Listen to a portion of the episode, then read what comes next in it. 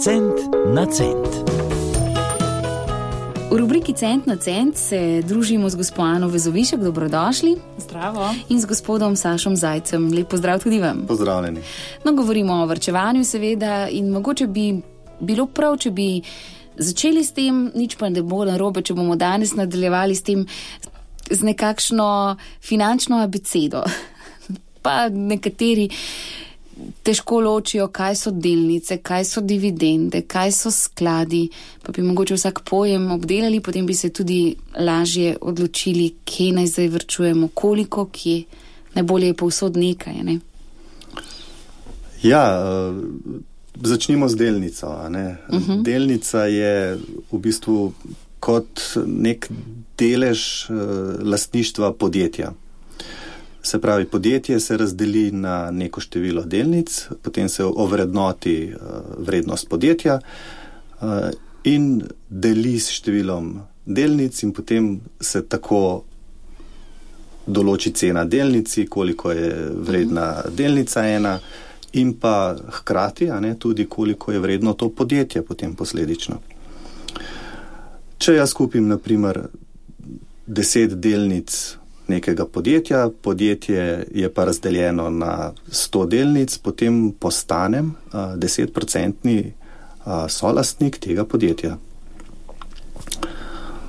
To so delnice. Dobro, potem imamo sklade. Skladi so pa vzajemni skladi ali pa kakršni koli drugi skladi, pa vključujejo večje število delnic, lahko tudi drugih finančnih inštrumentov.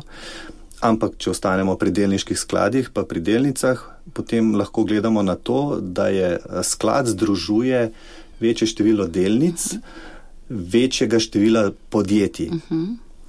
Tako da je v, ne, v enem skladu je to lastništvo zelo razpršeno in s tem tudi uh, zmanjšano tveganje, če recimo eno podjetje propade ali slabo posluje, uh, je potem manjši dobiček uh, pri tem enem podjetju.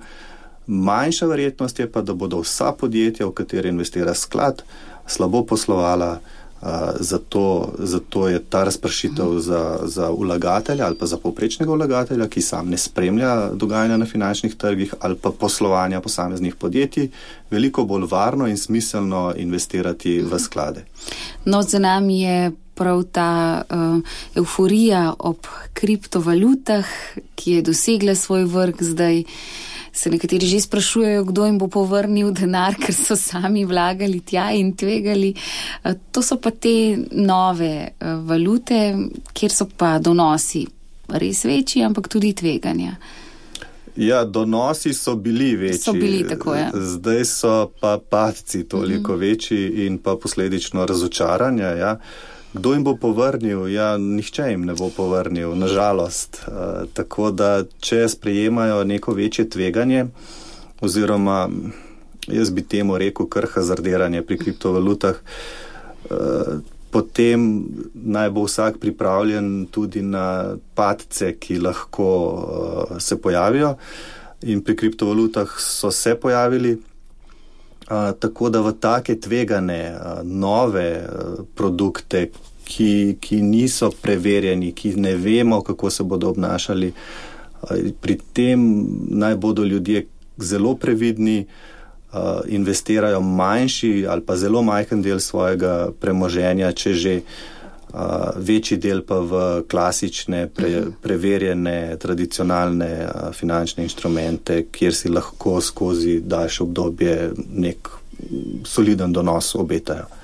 Ja, tukaj bi jaz mogoče dodala ravno to, pa smo že velikrat govorili o tem, ampak se mi zdi, da je to premalo slišano, še manj ozaveščeno.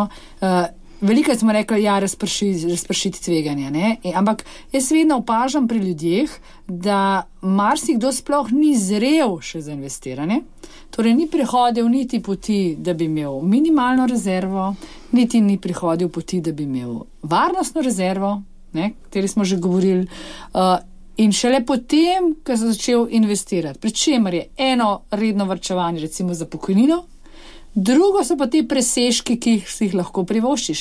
In šele takrat lahko mi začnemo govoriti o delnicah, o skladih, o alternativnih naložbah, o zlatu, recimo, ki pa še notri. Skratka, to ljudje ne ločimo. Mi pa slišimo in naenkrat bi preskočili vse tiste temelje, šli notri ne, z nekim upanjem, aha, se, ko bom pa to dobil, bom pa kaj, kar poplačal kredite, kar imel bom rezervo in kar vse. Ne gre tako. In še do danes ni šlo in verjamem, da tudi v prihodnje ne bo šlo. Res si želim, da bodo to znanje osvojili že naši najmlajši, ker le takrat bodo mogoči premiki in takrat bo mogoče modro odločanje ob vseh poplavah, ob vseh informacijah, ki jih imamo danes. Ja, tudi jaz osebno pa verjetno tudi gospod Saša. Ne? Hvala lepa. Hvala za danes. Hvala. Cent na cent.